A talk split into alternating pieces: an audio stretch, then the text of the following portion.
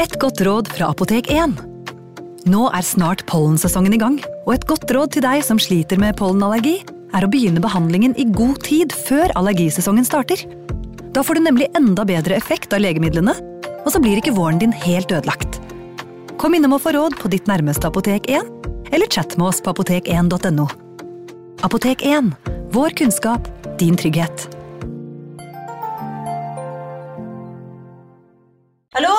Jeg kommer fra Oslo politikammer. Ine Jansen er purk. Er du purk? The motherfucking bitch. Alt jeg vil, er å finne ut hva som skjedde med mannen min. Jon Carew. Er jeg sikta for noe? Iben Akeli. Det er du. Ole So, Lars Berrum og Big Daddy Karsten. Hvem sin side er du på, egentlig? Anette Hoff, Tone Danielsen, Kommer du fra Afrika? Jørnis Josef, Nesten kløfta. Trond Espen Seim, Det er synd å si det, men det var feil mann som døde. Purk. Premiere tirsdag på TV2 Play. Hei! Takk for at du lytter til True Crime Podden dokumentar. Skulle du ønske at du kunne høre en ny episode av denne podkasten hver eneste uke? Vel, da er det bare å laste ned podkastappen Untold med en gang. I tillegg til ukentlige episoder av podkaster som Skrekkpodden, Synderne og True Crime Podden, får du masse annet reklamefritt og eksklusivt innhold. Last ned Untold i AppStore eller Google Play, og start din 30 dagers prøveperiode i dag. you.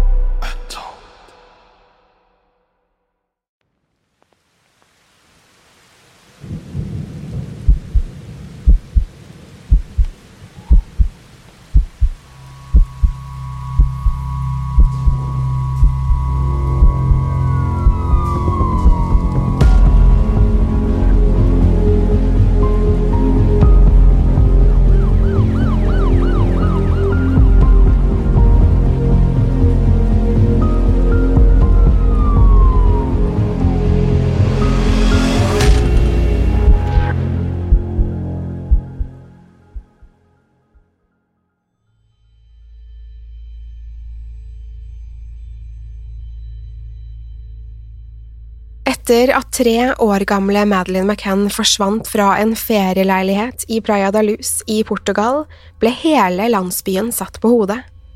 Politiet lette høyt og lavt etter den lille jenta, og foreldrene Kate og Jerry McCann gjorde det de kunne for å engasjere folk i saken. De var sikre på at om bare nok mennesker kjente til saken og visste hvordan Madeleine så ut, ville hun snart bli funnet. Hele verden ble engasjert i Madeleines forsvinning, som foreldrene var sikre på at var en bortføring.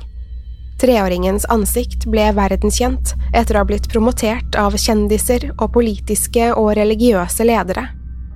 Fra Amerika til Afrika mente folk å ha sett jenter de mente lignet på Madeleine. Likevel var det ett spor som både politiet og McCann-paret hadde spesielt stor tro på nemlig at Madeleine kunne ha blitt tatt med til Marokko. Marokko var kjent som et gjennomfartsland for menneskehandlere som kidnappet og solgte ofre fra Europa. Da det var såpass kort avstand mellom Praia da Luz på Portugals sørkyst til Marokko nord i Afrika, kunne dette muligens være en løsning.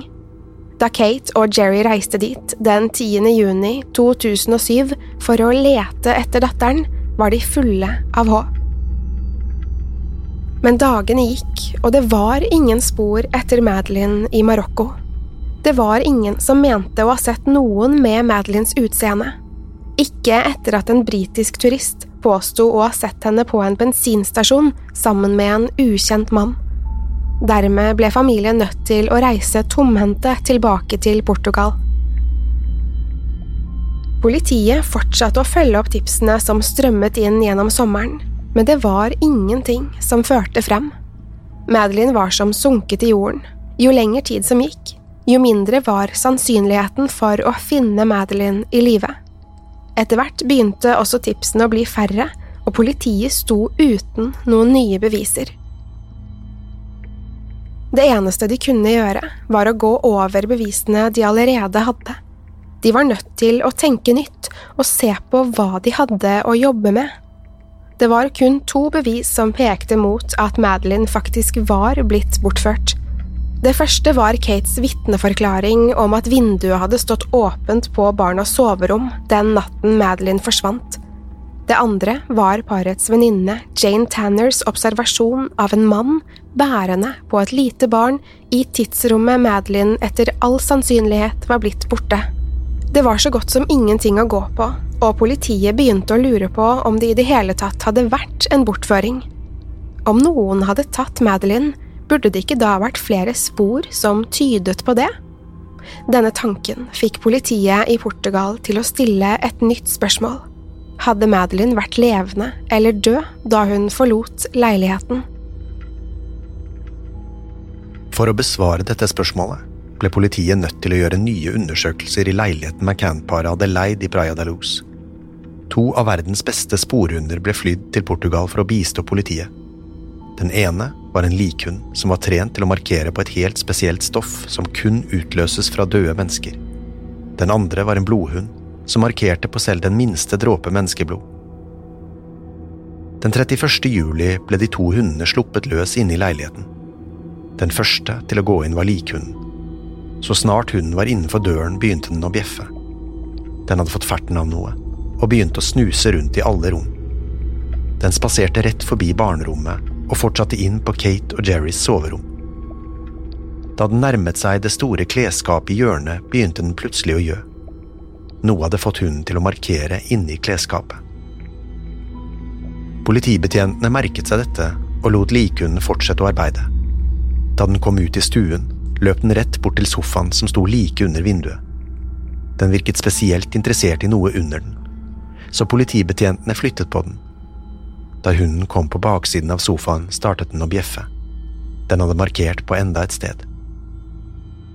Da blodhunden ble sendt inn i leiligheten, markerte den også bak sofaen, på nøyaktig det samme stedet som likhunden.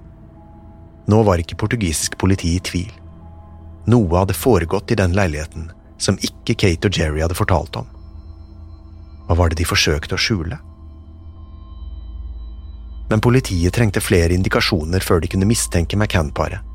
Derfor valgte de å bruke sporhundene i enda en øvelse. I et parkeringshus hadde de satt fram ti biler. En av disse var leiebilen som McCann-familien hadde benyttet under ferieoppholdet.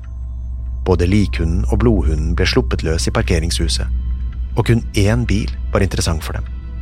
Kate og Jerrys leiebil. Begge hundene markerte på førerdøren og på bagasjeromsdøren.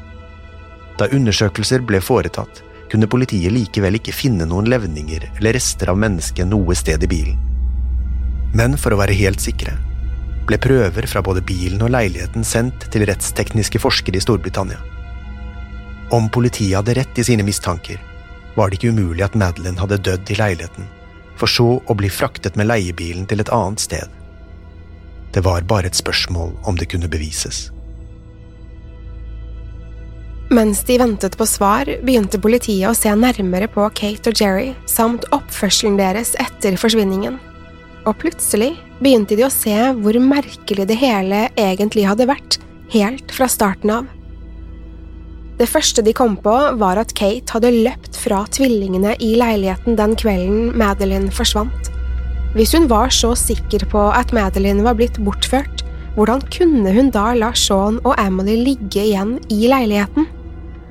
ville ikke det da vært en fare for at også de ble bortført? I tillegg begynte de å stille spørsmål ved det Kate hadde sagt da hun kom frem til restauranten den kvelden. Ifølge henne selv og de andre på restauranten hadde hun sagt de har tatt Madeline. Hvorfor hadde hun vært så spesifikk? Hvem var de? Politiet mente at det mer naturlige ville være å si noen har tatt Madeline. Kunne det hele ha vært en plan for å lure politiet? Det siste politiet reagerte på den kvelden, var at tvillingene fremdeles sov, selv da politiet kom. Kvelden Madeline forsvant, hadde det vært et sant kaos i leiligheten, men tvillingene våknet aldri. Selv ikke da de ble båret over i en annen leilighet, hvor de fortsatte å sove. Dette fikk politiet til å mistenke at barna kunne vært medisinert. Det var en kjent sak at McCann-barna hadde lidd av kolikk da de var babyer.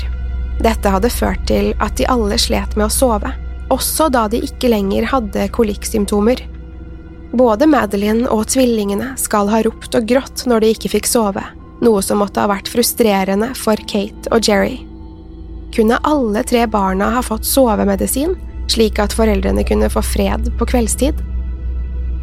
Dermed fikk politiet en ny teori å jobbe med. Hva om det hele hadde vært en tragisk ulykke, og Madeline hadde fått altfor mye medisin den kvelden? Ifølge etterforskningsleder Gonzalo Amaral lød politiets hovedteori slik. De mente barna hadde blitt medisinert, slik at Kate og Jerry kunne gå på restaurant med vennene sine den kvelden. Ved et uhell hadde Madeline fått mer medisin enn vanlig. Hun kunne ha våknet i løpet av kvelden og gått for å se etter foreldrene sine. Etter å ha hørt Jerry prate utenfor, mente Amaral at hun hadde klatret opp på sofaen for å se etter han. Men fordi hun var kraftig medisinert og svimmel, kunne hun ha mistet balansen og ramlet ned bak sofaen hvor hun hadde slått seg i hjel. Politiet mente at Jerry hadde kommet inn, funnet Madeline død og fått panikk. En slik sak ville vært fatal for McCann-paret, spesielt fordi begge var leger. Hva ville skje med praksisen deres om det ble kjent at de hadde gitt datteren en overdose av sovemedisin? Dermed kan de ha forsøkt å skjule det ved å gjemme Madeline lik i klesskapet på parets soverom. Senere på kvelden kunne han ha hentet liket og lagt det i bilen, slik at de kunne kvitte seg med det på et senere tidspunkt. Men hva med Kate? Hva slags rolle kunne hun ha spilt i det hele? Amaral mente at Jerry hadde fått fortalt hva som hadde skjedd, og at Kate ble med på det. Da hun hadde kommet løpende, etter å ha sett barna klokken 22, var det hele kun et spill. Ved å legge skylden over på en imaginær kidnapper ville foreldrene være ute av søkelyset. Dette stemte også med at det kun var Kates fingeravtrykk som ble hentet fra vinduet på barnas soverom. Da politiets teorier om at Kate og Jerry kunne stå bak Madelines forsvinning nådde pressen, eksploderte det internasjonale nyhetsbildet. Over hele verden skrev avisene side opp og side ned om hvordan politiet nå mistenkte McCann-paret. På alle nyhetskanaler ble det pratet om teoriene og hva som kunne ha gått så galt. Nå som nyheten var ute, valgte politiet å ta Kate og Jerry inn til avhør, men de var ennå ikke offisielt mistenkt i saken. Pressen sto i kø utenfor politistasjonen da Kate dukket opp med advokaten sin. Alle ville ha et bilde av kvinnen som muligens hadde dekket for sin egen datters død. I avhøret ble Kate stilt flere spørsmål om kvelden den 3. mai. Hva de gjorde i timene før forsvinningen, hvem som var til stede, og om hun selv hadde noen teorier på hvem som kunne stå bak forsvinningen. Videre fikk hun spørsmål om hun noen gang hadde gitt barna sovemedisiner, slik som politiet mistenkte. I tillegg ble hun spurt om hun noen gang syntes det var frustrerende å være mor til tre barn.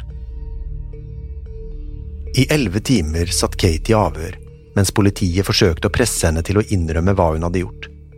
Samtidig skrev avisen at hun var like ved å tilstå.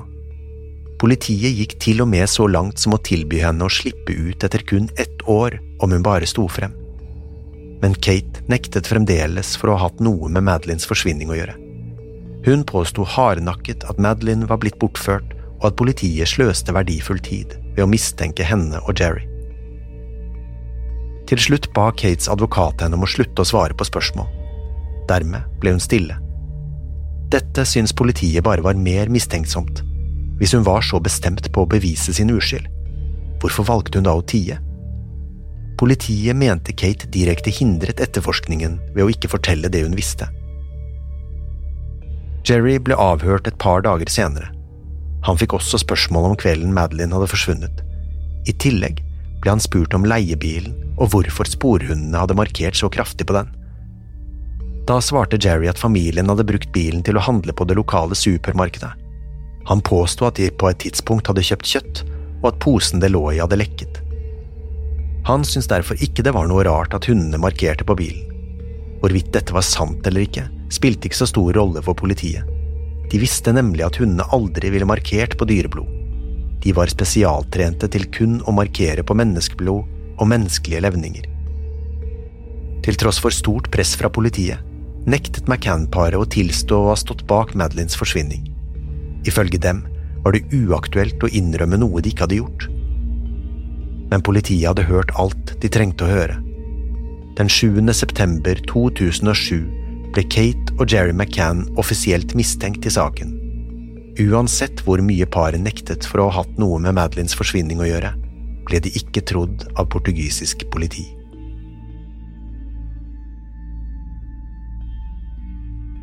Da nyheten om at Kate og Jerry var mistenkt i saken ble lekket til pressen, ble det en nyhetsstrøm uten like. Fra familie og venner hjemme i England kom det flere støtteerklæringer til McCann-paret. Men pressen var nådeløse i sin omtale.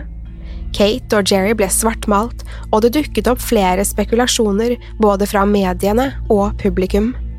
Plutselig gikk paret fra å være ofrene for en grusom barnebortføring til å bli ansvarsløse gjerningspersoner.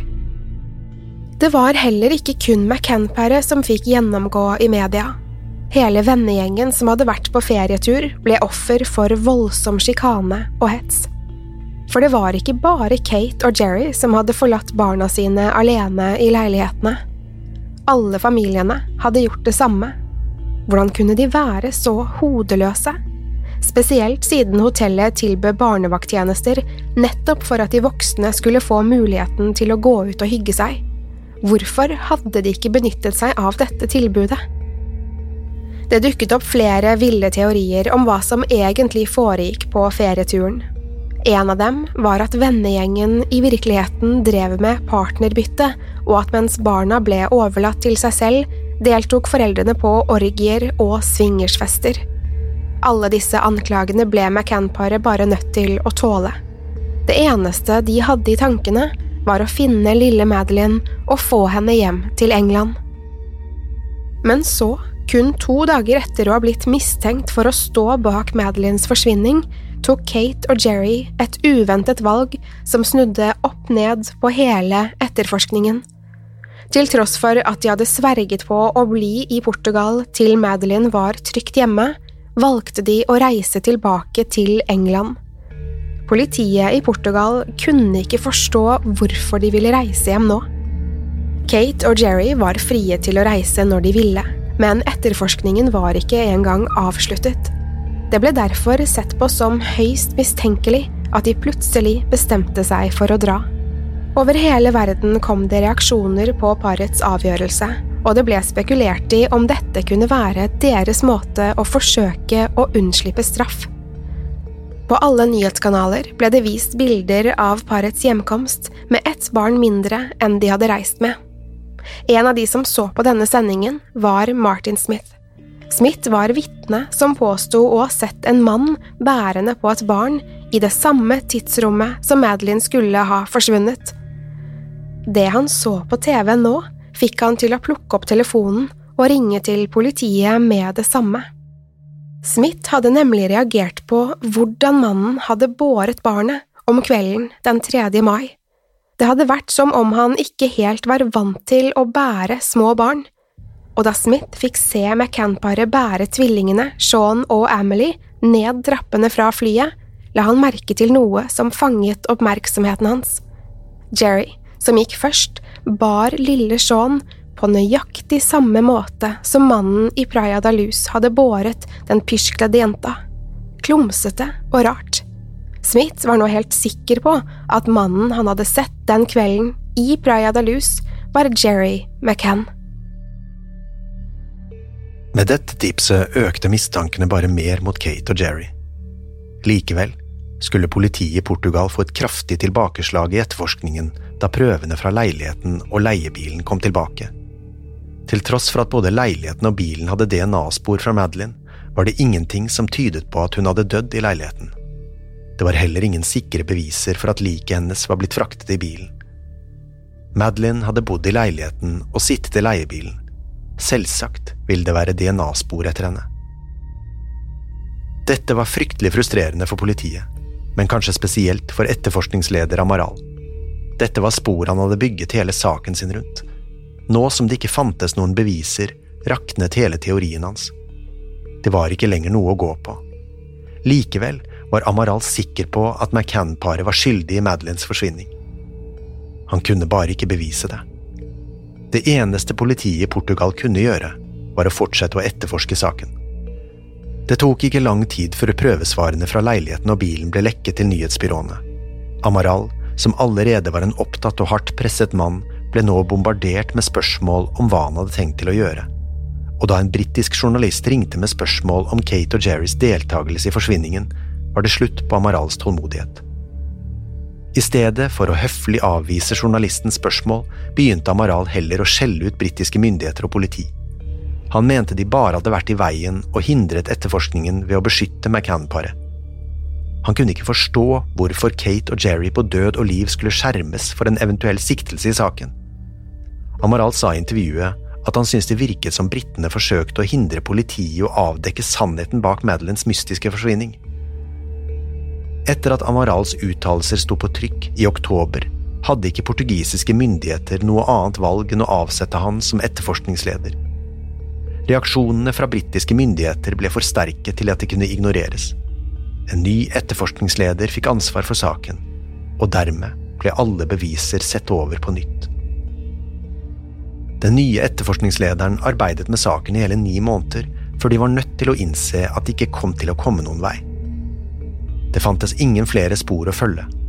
Dermed ble saken henlagt av portugisisk politi i juli 2008, litt over ett år etter at Madeline forsvant. Det betydde også at alle mistenkte ble sjekket ut av saken, Dermed var verken McCann-paret eller britisk-portugiseren Robert Murat lenger regnet som mistenkte. Selv om Kate og Jerry var lettet over ikke lenger å være mistenkte, var det et hardt slag da saken ble henlagt. For om ikke politiet i Portugal arbeidet med saken, hvem var det egentlig da som lette etter Madeline nå? I lang tid forsøkte de å legge press på britiske myndigheter for å få saken gjenåpnet, men til tross for utallige forsøk ble det ikke gjort noe. Det føltes som verden var i ferd med å glemme den lille jenta som var blitt borte. Det skulle heller ikke bli gjort stort for å finne Madeline på flere år. Det var ikke før i 2011, da Kate ga ut boken Madeline, Our Daughter's Disappearance and the Continuing Search for Her, at noe begynte å skje. I boken beskrev Kate hendelsene før og etter datterens forsvinning, fra hennes perspektiv som mor. Mot slutten av boken skrev hun en bønn til leserne sine. Hun ville at de skulle appellere til britiske myndigheter for å få saken gjenåpnet. Bønnen ble hørt og hadde umiddelbar effekt. Boken ble en bestselger, og flere begynte å interessere seg for saken igjen. Snart ble Kates lesere så engasjert at flere ba britiske myndigheter om å ta ansvar. I mai 2011 kom beskjeden fra statsminister David Cameron om at det skulle åpnes en ny, uavhengig etterforskning som fikk navnet Operation Grange. Dette tente et nytt håp for McCann-familien og vennene deres. Kanskje nå, etter ganske nøyaktig fire år, skulle Kate og Jerry endelig finne ut hvor det var blitt av lille Madeleine McCann.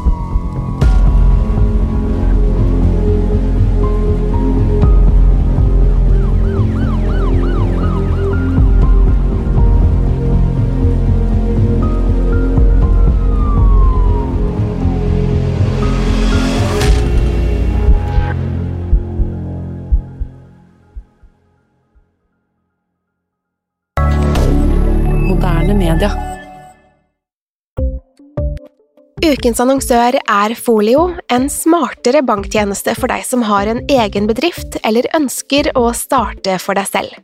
Folio er en superenkel nettbank for bedrifter. Som kunde i Folio får du en bedriftskonto med et bedriftskort og app. I denne appen er det smarte løsninger som forenkler regnskapet ditt, uansett om du har en liten bedrift eller et enkeltpersonsforetak. Folio er både intuitivt og brukervennlig, og er laget med et enkelt språk. I tillegg tilbyr de forutsigbare priser og ingen skjulte gebyrer. Skulle du likevel trenge det, så kan du snakke med deres raske og hyggelige kundeservice, og der får du prate med en faktisk person og ikke en chatbot. Folio er med andre ord både enklere og koseligere enn banken. Over 10 000 bedrifter har allerede valgt Folio som sin banktjeneste, så besøk folio.no og se hvordan Folio kan forenkle din hverdag også. Har du et enkeltpersonforetak eller en liten bedrift?